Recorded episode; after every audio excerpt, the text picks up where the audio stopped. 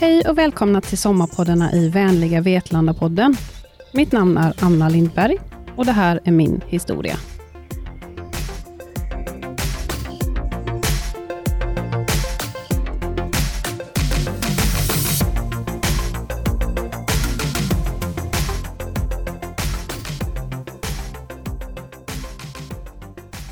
Jag heter alltså Anna. Jag är 34 år och har precis byggt ett hus i min hemstad Vetlanda.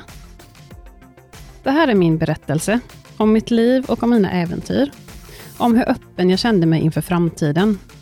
Efter många års resande så var det flera länder som jag kunde se mig själv flytta till och faktiskt bosätta mig i. Men sen helt till slut bestämde mig för att flytta tillbaka till min lilla hemstad Vetlanda. Jag går tillbaka till när jag är 19 år och springer runt som ett yrväder på Stockholms flygplats Arlanda. Tillsammans med min bästa vän Lina hade jag precis missat en resa på fyra flyg, från Stockholm och hela vägen till Sydney. Vi hade pinsamt nog sett fel på AM och PM, så vi var där 12 timmar för sent. Personalen på Arlanda bad oss att springa till nästa flyg till London som skulle gå om sju minuter. Och väl framme i London så tyckte personalen så synd om oss som hade missat alla våra flyg och att vi knappt pratade engelska. Så de gav oss gratis mat och bokade om våra biljetter utan kostnad. Nu 15 år senare och med 10 år inom reselivsbranschen kan jag ännu inte förstå hur detta gick till. Det var ju vårat fel att vi missade flygen. Inte skulle vi få boka om allt helt gratis och minst sagt få gratis mat. Vi skrattar fortfarande åt detta idag. Inte heller kunde man där och då som 19-åring tro att jag tre år senare skulle jobba som flygvärdinna i Norge. Jag är född och uppvuxen i Vetlanda. Jag hade en bra uppväxt här och jag är tacksam att jag alltid har haft så fina vänner runt omkring mig. När jag var väldigt liten så älskade jag att hänga med min farfar. Han cyklade runt med mig på sin pakethållare överallt i stan, runt om på olika lekplatser. Ett fint minne som jag har är ifrån Tomaslunden. Där cyklade vi runt på Guppevägen, som vi kallade det. Och vi klättrade också i ett träd som vi sa hette Bläckfisken. Jag minns alla varma sommarlov då jag och mina tjejkompisar hängde nere i Östanå från morgon till kväll. Man cyklade bara hem en snabbis för att äta och sen tillbaka igen. Det var den tiden då man inte hade några telefoner. Man var ute och lekte dagarna i ända. En av mina första vänner var en tjej som heter Lina. Hennes mormor bodde granne precis med oss. Hon var ofta där och hälsade på och vi lekte alltid tillsammans då. Tänk om man visste då att vi skulle hålla ihop hela livet. Att vi skulle upptäcka världen tillsammans, flytta till ett annat land, jobba och till och med bo tillsammans. Jag gick på Tomaslundsskolan mina första skolår och sen pluggade jag samhällsekonomi på gymnasiet. Jag hade faktiskt inget att klaga på här, trots att det inte alltid är världens roligaste stad. Dock har jag alltid vetat att jag vill utforska världen. Jag visste nog hela tiden att jag skulle härifrån, men jag visste inte riktigt vart. Jag minns att jag var väldigt inne på att antingen jobba som au pair i USA eller att volontärarbeta på Bali. Till slut så blev det en fyra månaders backpackerresa till Australien och Asien, vilket är något av det bästa jag har gjort. Det var jag och min barndomsvän Lina och vi hade det så bra tillsammans. Att spendera 24 timmar per dygn med någon i flera månader i sträck kan man inte göra med vem som helst. Men vi var så lika och tänkte likadant i nästan allt vi gjorde. Vi var också väldigt spontana och lättsamma, så allt bara flöt på. Liksom. Vi reste runt överallt i Asien. Vi levde som snåla backpackers och vi tog det billigaste boendet som vi kunde hitta. Bland annat ett i Bangkok som var så ofräscht att det var mögel på väggarna. Men Leonardo DiCaprio bodde ju trots allt där i filmen The Beach och vi skulle inte vara sämre. Vi hittade på massor av saker. Vi var på surfläger, vi hoppade fallskärm, vi shoppade så mycket att vi fick skicka hem flera väskor med kläder. Vi ändrade resrutten flera gånger och till slut förlängde vi även vår hemresa. Vi hade ingen som helst hemlängtan. Vi älskade att resa runt så som vi gjorde. Vi tog precis allt som det kom och vad vi kände för just där och då. Jag tror faktiskt att våra föräldrar var oroliga där ett tag att vi aldrig skulle komma hem. Jag minns att vi såg två stycken dykare under ytan när vi snorklade en dag tidigt under resan. Vi sa till varandra att vi aldrig skulle göra något sånt. Det såg ju så läskigt ut på något sätt. Som någon slags utomjording, fast under vatten. Men tvärtom blev det såklart. Vi hoppade på en dykarkurs när vi var på ön Koh Tao i Thailand. Och Det slutade med att vi tog kurs efter kurs, tills vi till slut förlängde resan hem och utbildade oss hela vägen till Dive Masters. Detta blev istället vårt allra största intresse. Dyka är än idag något av det bästa jag vet. Man är i en helt annan värld, som i en bubbla i något alldeles fantastiskt vackert. Vi simmade med vilda delfiner, stora valhajar, sköldpaddor, flera olika sorters hajar och alla slags fiskarter man inte ens visste fanns. Vi gjorde två till tre dyk varje dag. Vi trivdes nästan bättre under vattenytan än på land. Vi älskade sköldpaddor, till och med så mycket att vi båda tatuerade in en under foten. Tänk att vi sa att vi aldrig skulle dyka och sen åkte vi hem med över 150 dyk i loggboken. Som backpacker på denna tid så ägde vi inga telefoner, utan man gick till något internetcafé någon gång ibland för att skypa hem eller för att skriva på resedagboken som man använde då. Vägen hittade vi genom att fråga oss fram, eller eventuellt se på någon karta om vi nu hade någon. Boenden hittade vi genom att vandra runt på gator med våra tunga ryggsäckar på ryggen. Turistattraktioner hittade vi genom folks tips och väldigt random faktiskt. Denna backpackerresa gjorde att man fick en annan syn på livet, om andra kulturer, hur de lever och bor, men även andra människors syn på livet. Hur enkelt man kunde bo och ändå må så bra som man gjorde. Vi bodde i små rum på en liten madrass på golvet. Ibland var det till och med små möss, minns jag, som bet oss på natten. Som såklart var lite obehagligt, men vad gjorde det? Man vaknade till soluppgång på stranden, bara några enstaka meter till havet. Så mycket folk man träffade under resans gång och som man litade på främmande människor och det gick alltid bra. Med en hel del tur såklart. För mig är det dock en gåta hur vi klarade oss på denna resa. Inte nog med att vi missade våra allra första flyg, utan vi missade också flera flyg under resans gång. En dag när vi kom till flygplatsen i Kuala Lumpur och skulle resa till paradisön Langkawi, så missade vi flyget igen. Men denna gången var det för att vi hade bokat flygen i motsatt riktning. Vi visste nämligen inte skillnad på departure och arrival. Och på precis alla flygplatser som vi var på under resan så blev vi alltid uppropade i högtalarna.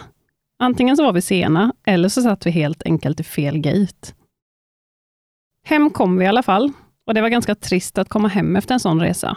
Man kände någon slags tomhet av att vara tillbaka på ruta ett igen, där precis allt stod still. Det blev mycket tvekande på vad jag nu skulle göra, men efter en sommar i Småland så bad det av mot vårt kära grannland Norge. Jag flyttade till Oslo i september 2008 och jag hade en tanke på att stanna i cirka fyra månader, men så blev det ju såklart inte. Det blev nästan tio år och en ny stad kändes nu som mitt hem. Trots att man blev kallad partysvensk i Norge, så var man som svensk eftertraktad på arbetsmarknaden. Jag minns att jag fick massor av olika sorters arbeten, trots endast 20 år och ingen specifik utbildning. Jag jobbade på lite olika ställen de två första åren, bland annat på IKEA. Ett tag var jag på ett IT-företag. Och sen gick jag en utbildning för att jobba som säkerhetsagent på flygplatsen. Under dessa år så tog jag långa ledigheter där jag igen åkte tillbaka till Asien för att dyka ännu mer och en annan långresa till Australien för att besöka mina bästa vänner Bella och Lina.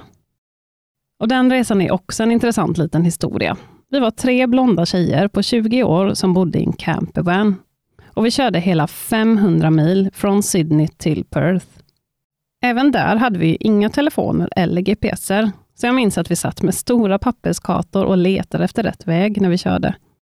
Eftersom det är vänstertrafik där borta så körde vi såklart på fel sida av vägen några gånger. Och jag minns hur konstiga vi tyckte alla i bilarna vi mötte var. De satt ju och viftade med armarna mot oss och tutade allt de kunde. En dag när vi körde genom Australiens öken så gick vår bil såklart sönder. Mitt i ingenstans och självklart under påsk när allt var stängt. Vi hamnade i en liten skum by där alla kändes lite utanför samhället på något sätt. Precis som i vissa filmer man hade sett tidigare.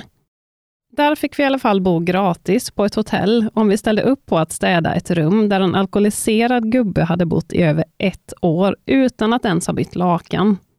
Ja, alltså ni kan ju tänka er, det var det äckligaste rummet någonsin. Och där stod vi och skurade för att få gratis boende. En annan gång när vi hade kommit fram till Perth så parkerade vi vår bil i en park för att övernatta där, trots att det fanns en stor skylt där som sa att parkering var förbjuden.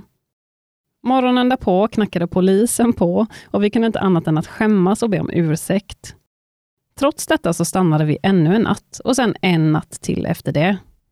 Polisen stod och knackade hårt på våra rutor båda de dagarna, men vi hade bara rullat ner rullgardinerna och låg knäpptysta och låtsades som att vi inte var där.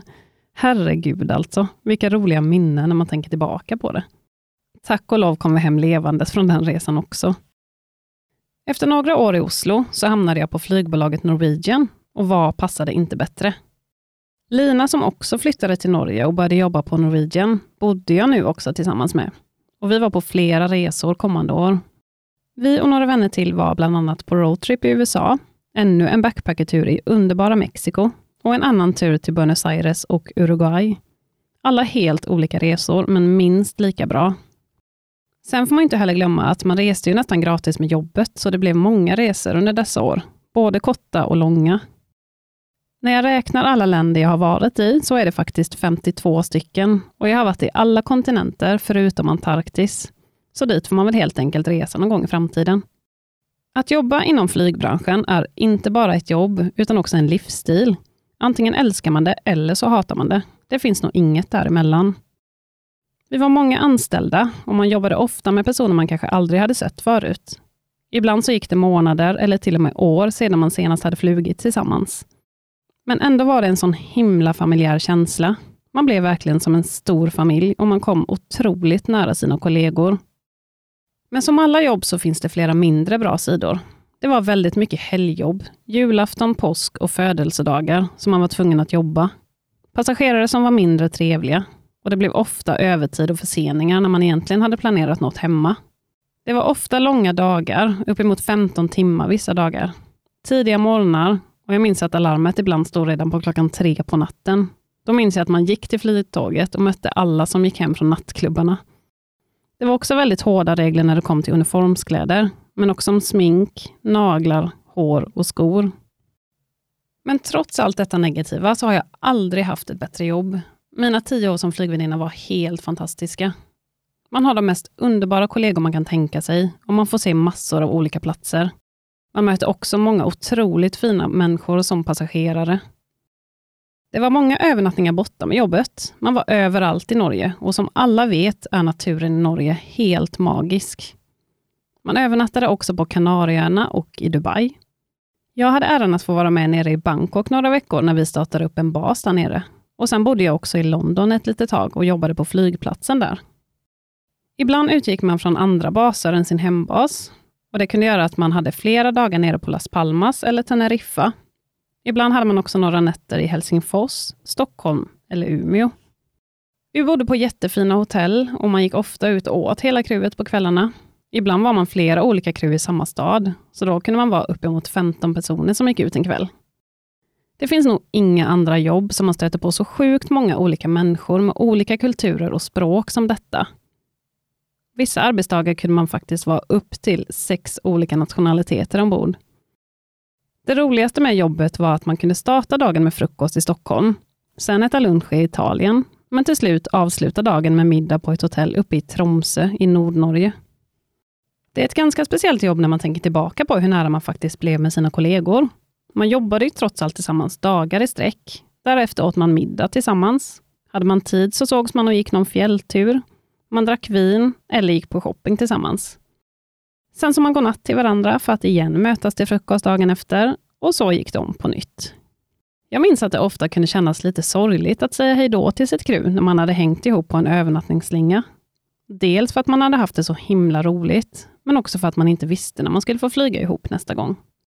Det låter kanske lite knasigt, men det var verkligen så. Jag hade faktiskt inga planer på att lämna Norwegian och heller inte Norge. Jag har alltid sagt att jag aldrig någonsin ska flytta tillbaka till Vetlanda. Och hade jag till exempel blivit förälskad i en norrman så hade jag förmodligen sannolikt blivit kvar i Norge. Men när jag var 25 år och gick ut en random kväll så träffade jag min framtida man på en nattklubb i Oslo. Det var verkligen kärlek vid första ögonkastet. En två meter lång, välbyggd och mörk portugis stod framför mig och jag kände direkt att detta var min drömman. Det blev vi från första stund och idag, nio år senare, är jag väldigt glad att jag gick till just det utestället den kvällen. Allt kändes så rätt mellan oss. Vi köpte lägenhet i Oslo nästan direkt. Även han älskade att resa, så vi var på många resor tillsammans. Bland annat en dykresa till Filippinerna. Vi var på roadtrip i både Australien och i Skottland. Vi red islandshästar på Island. Vi badade med vithajar i Sydafrika. Vi red på kameler i Saharaöknen utanför Marocko. Och vi åkte också till London, Paris, Santorini, Cinque Terre. Ja, listan kan göras lång helt enkelt. Alla år i Norge känns idag som ett helt annat liv. Det känns typ som en enda stor fest. Och jag hade kunnat göra om allt tio gånger om. Jag är så himla tacksam för dessa år. För alla år i luften. För alla resor jag kunnat göra. Så tacksam för alla otroligt fantastiska människor jag mött. Bästa vänner jag har fått. Och att jag faktiskt mötte mannen i mitt liv. Efter så många år på resande fot så kändes det som att man i princip hade bott i en resväska. Man var så van vid att packa upp sina kläder, tvätta dem, för att sen packa på nytt och ge sig iväg igen. Men nu när man hade någon hemma som man längtade efter, så var det faktiskt inte lika kul att sticka iväg på övernattningar som tidigare. Och jag och min sambo började också fundera på att bilda familj. Jag har alltid älskat barn, så jag har alltid haft en stor längtan till att få egna barn. Det visste jag att jag ville ha redan som liten. När vi började tänka på att få barn så kändes det faktiskt inte lika självklart att bo kvar i Norge. Ingen av oss hade ju vår familj nära. Min sambo och hans familj kommer från en ö på Azorerna. Och det är ett helt fantastiskt ställe mitt ute i Atlanten. Öarna där är vulkaniska, så man kan bada i varma källor mitt i havet. Och naturen är något helt unikt. Jag blev förälskad i detta ställe redan första gången vi åkte dit. Vi åker till Azorerna varje år, men det har aldrig varit på tal om att vi skulle flytta dit. Det är tufft att leva där ekonomiskt. Lönerna är dåliga och det är heller inte lätt att få jobb där. Vi började prata om att köpa hus, men huspriserna i Oslo var inget vi var sugna att lägga några pengar på. Så vi började för skojs skull titta på hus i Vetlanda, för där hade ju i alla fall jag och min familj. Vi som var så vana vid huspriserna i Norge fick rent av en chock över hur billiga husen var i Vetlanda. Spontana som vi alltid har varit, så gick det nog inte ens en månad från att vi hade börjat småprata om att flytta till Vetlanda, tills vi hade köpt hus här. Jag som under alla mina år i Norge hade sagt att jag aldrig någonsin skulle flytta tillbaka hit, hade nu köpt hus här. Lite spontant till och med. Vi köpte det första huset vi tyckte så bra ut på Hemnet. En enda husvisning var vi på. Alltså vad hade vi egentligen gjort? Från att vi köpte huset hade vi nästan sju månader tills vi fick tillträde och det var nog ganska bra att hinna smälta allting faktiskt. Allt kändes trots allt lite skrämmande. Att jag nu skulle lämna mina fina vänner som jag hade där. Att jag skulle lämna min kära stad Oslo som nu kändes som mitt hem. Att jag skulle tillbaka till min lilla hemstad, men också att jag skulle ta med mig min sambo hit som inte kände någon alls och heller inte pratade svenska. Men samtidigt kändes det bra och spännande ett helt nytt kapitel i livet och allt har ju sin tid som man säger. Vi var också båda väldigt redo för nästa steg och någonting nytt. Innan vi flyttade till Sverige så hade vi bestämt oss för att försöka få barn. Men det blev inte riktigt som vi hade tänkt oss eller trott tyvärr. Hade vi vetat att det skulle ta tre år innan det blev ett plus på stickan så hade man nog gått under. Dessa tre år kan beskrivas som att livet sattes på paus. Jag såg bara barnvagnar, gravidmagar och positiva graviditetstest vart jag än tittade. Till slut kunde man inte tänka på något annat. Man blev helt besatt av att man skulle bli gravid, så inget annat kändes viktigt.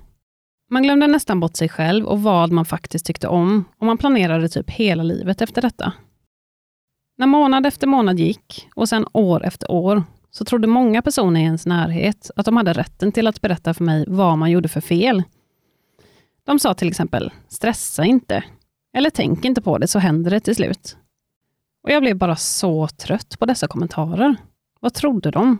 Att man bara skulle sluta tänka på det med ett fingerknäpp? Det är precis samma sak som att säga till en nykär person att absolut inte tänka på den andra personen. Det blev heller inte lättare när man gång på gång fick frågan, är det inte dags för barn snart? Att få barn är verkligen inte en mänsklig rättighet. Det är en unik gåva som man ska vara oerhört tacksam över att kunna få. Men sen kom äntligen den fantastiska dagen då det till slut blev våran tur. Den 28 december 2019 föddes vår efterlängtade lilla son Leo. Han är idag en busig liten virvelvind som aldrig sitter still.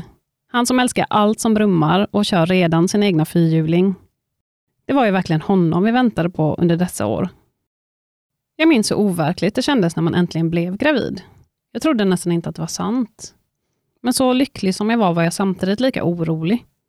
Jag kunde inte riktigt slappna av, för jag var så rädd att något skulle hända det lilla livet i magen. Jag hade trots allt en bra magkänsla att det äntligen var våran tur nu. Men samtidigt tänkte jag ofta på att jag hade blivit besviken så många gånger tidigare, så varför skulle det gå hela vägen nu?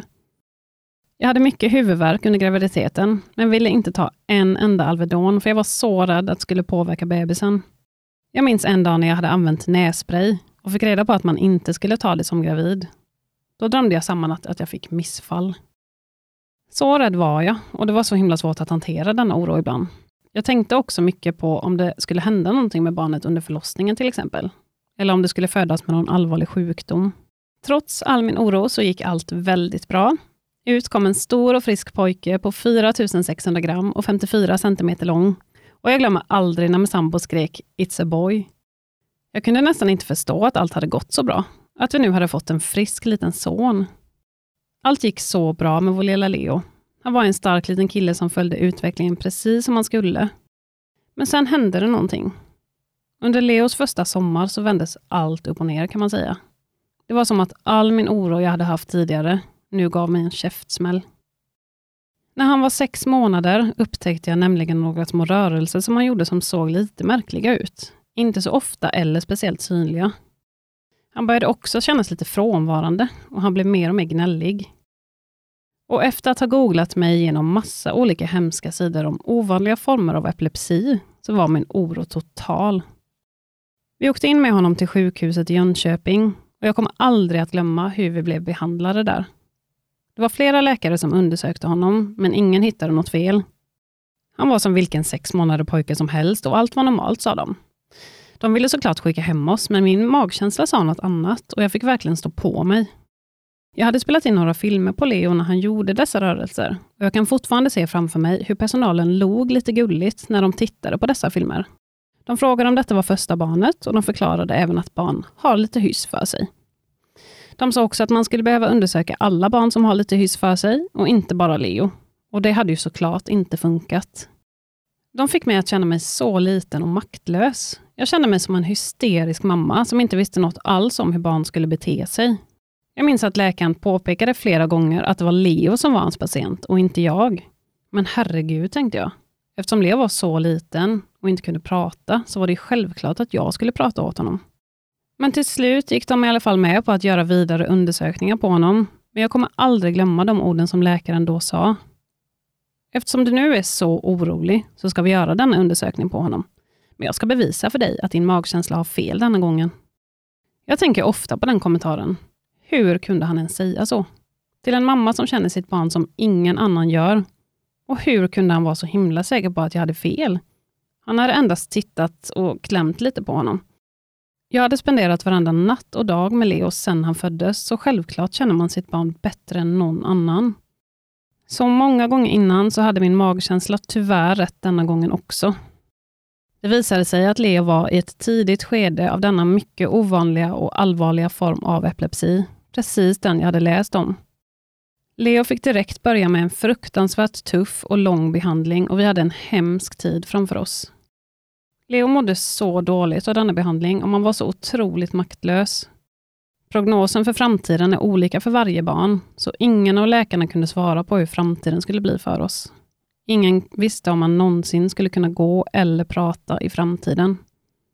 Där rasade allt för oss. Den ångesten man kände då önskar jag inte till någon annan. Mammahjärtat var i tusentals bitar och när jag tänker tillbaka på denna tiden så förstår jag faktiskt inte hur vi överlevde. Jag fick inte riktigt grepp om tankarna. Jag förstod verkligen inte hur detta kunde hända vår lilla pojke. Jag trodde att vi hade haft våra problem. Under de åren vi försökte få barn så mådde jag så dåligt. Men när jag jämför med detta så var det ingenting alls. Det värsta av allt var ovissheten. Allt handlade om hur Leo skulle ta emot denna behandling. Vissa barn svarade tydligen inte alls på den. Jag hatade denna behandling så mycket med tanke på hur dåligt den fick Leo att må. Samtidigt älskade jag den, för den bet otroligt bra på Leo. Det var många tuffa månader, men idag har vi en frisk och superpigg två och ett halvt åring. När han var ett år började han gå som vilket barn som helst och nu pratar han på som aldrig förr. Allt har gått så fantastiskt bra. Bättre än vi någonsin trodde där och då. Han är en riktig liten kämpe. Han är så stark och jag är så otroligt stolt över honom. De flesta barn har en allvarlig orsak till denna epilepsi, oftast en hjärnskada. Vi har därför gjort många undersökningar för att ta reda på varför Voleo faktiskt fick detta. men vi har inte hittat varför. Att vi inte har hittat någon orsak är vi verkligen evigt tacksamma för, då detta är den bästa prognosen. Jag måste ibland nypa mig i armen av tanken på att allt har gått så bra som det faktiskt har gjort och att han är våran fantastiska lilla son. År 2020, mitt under allt detta sjukhuskaos, så byggde vi också ett nytt hus. Och I slutet av samma år så flyttade vi ut på landet, men ändå bara fem minuter från Vetlanda centrum. Här bor vi nu, i ett område som kallas Jättinge. Jag, min sambo, vår Leo och vår lilla katt. Allt detta hade jag nog bara kunnat drömma om för några år sedan. Jag hade nog aldrig kunnat tro att jag skulle hamna här igen. Jag minns alla gånger när jag var nere på Kanarieöarna med jobbet. Där blev jag alltid lika sugen på att ta mitt pick och pack och flytta dit. Jag tänkte att man kunde ju alltid ta ett år eller två och lära sig spanska där nere. Och samma sak kände jag när jag var både i London och i New York. Där hamnade jag också i tankar på att jag skulle flytta dit. Det är ju två helt fantastiska städer som aldrig står still. Men nu efter allt man har gått igenom de sista åren så har man ju verkligen insett hur lite vissa saker betyder som man innan kanske tyckte var viktiga. Och hur tacksam man ska vara för det man har och inte ta saker och ting för givet här i livet. Jag känner mig så tacksam varje dag. Tacksam för min familj och alla fina vänner vi har runt omkring oss. Jag kommer dock alltid sakna Oslo, men Oslo finns ju faktiskt kvar om man nu vill åka dit. Det känns också skönt nu att man faktiskt kommer till ro. Efter mycket farande och flängande under åren så har man nu sin fasta punkt i livet, där jag vet att min son kan få en bra och trygg uppväxt. Jag ser framför mig att vi nu kommer att bo här. Det är en liten stad, men allt man behöver finns ju trots allt här. Jag har insett att det är ändå så himla simpelt att bo i en sån här stad. Man kan ta bilen dit man ska och parkera precis utanför. Jag minns i Oslo hur vi kunde leta efter parkering nära vår lägenhet i timmar vissa gånger. Utbudet är ju inte så stort här i Vetlanda, men är det något speciellt man vill göra så är det faktiskt bara att ta en liten tur till Göteborg eller ta snabbtåget till Stockholm eller Köpenhamn. Nu för tiden tycker jag det är så skönt att komma hem när man har varit borta någonstans.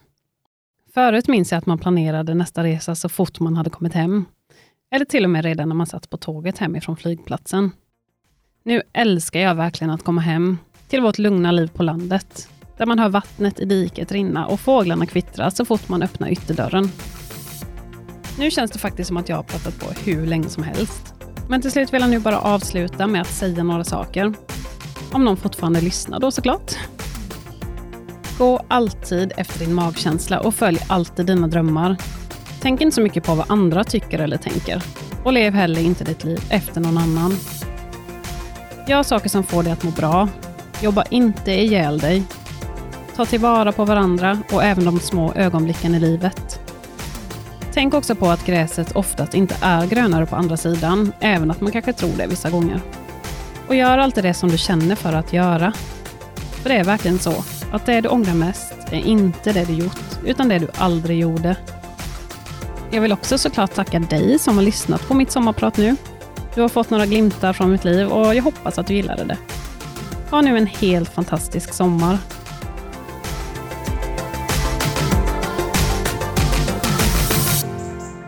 Du har lyssnat på Sommarpoddarna i vänliga Vetlanda-podden. En poddproduktion av Vetlanda kommun.